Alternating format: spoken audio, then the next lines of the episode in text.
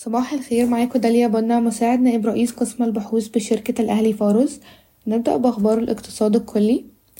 تجتمع لجنة السياسة النقدية بالبنك المركزي اليوم لاتخاذ قرار بشأن أسعار الفايدة لأول مرة في عام عشرين أربعة وعشرين ونكرر وجهة نظرنا بأن لجنة السياسة النقدية قد تفضل إبقاء أسعار الفايدة دون تغيير طالما لا يزال الاستقرار سائدا على جبهة العملة وقد استفادت قراءات التضخم من التأثير الأساسي الإيجابي مؤخرا. نعتقد أن أي زيادة محتملة لن تكون ذات فائدة مقارنة بتكاليفها المالية. ترك بنك الاحتياطي الفيدرالي أسعار الفايدة دون تغيير للاجتماع الرابع على التوالي عند أعلى مستوى لها منذ اتنين وعشرين عاما عند خمسة وربع لخمسة ونص في المية. ترددت أنباء عن اتفاق ائتلاف شركات إماراتية تابعة لإمارة أبوظبي مع الحكومة المصرية على شراء أرض في مدينة راس الحكمة على الساحل الشمالي الغربي لإقامة مشروع باستثمارات تتجاوز اتنين وعشرين مليار دولار لكن مصادر حكومية قالت إنه لا توجد حاليا مثل هذه الاتفاقات المبرمة مع رجال الأعمال الإماراتيين. قرر مجلس الوزراء خفض الاعتمادات المخصصة للاستثمار في موازنة العام المالي الحالي بنسبة 15% وتأجيل أي مشروعات جديدة حتى 30 يونيو 2024 مجلس الوزراء أعطى الضوء الأخضر للائحة التنفيذية لقانون إلغاء الإعفاءات الضريبية الممنوحة سابقا لهيئات الدولة وشركات ومشروعات القطاع العام. قال مدير إدارة الشرق الأوسط وآسيا الوسطى في صندوق النقد الدولي إن معدل نمو الناتج المحلي الإجمالي في مصر يمكن أن يرتفع بنسبة خمسة لستة في المية إذا سمحت الحكومة للقطاع الخاص بلعب دور قيادي في الاقتصاد المصري وإعادة النظر في دور القطاع العام. يحذر صندوق النقد الدولي من أن الحرب الإسرائيلية على غزة تؤدي إلى تفاقم البيئة الصعبة بالفعل بالنسبة للدول المجاورة وخارجها مما يسلط الضوء على التأثير المحتمل على السياحة وعائدات قناة السويس.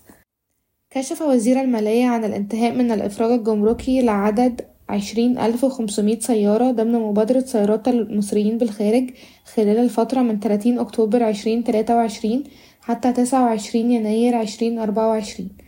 بإجمالي تحويلات ستمية سبعة وستين مليون دولار.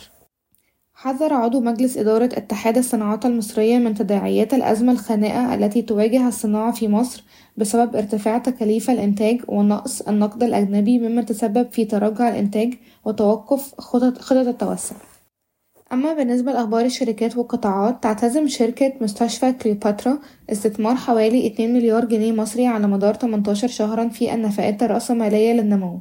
الموجهة لاستكمال المرحلتين الأولى والثانية من مستشفى سكاي في شرق القاهرة وتوسع كليوباترا أكتوبر في غرب القاهرة وتوسع أنشطة العيادات الشاملة.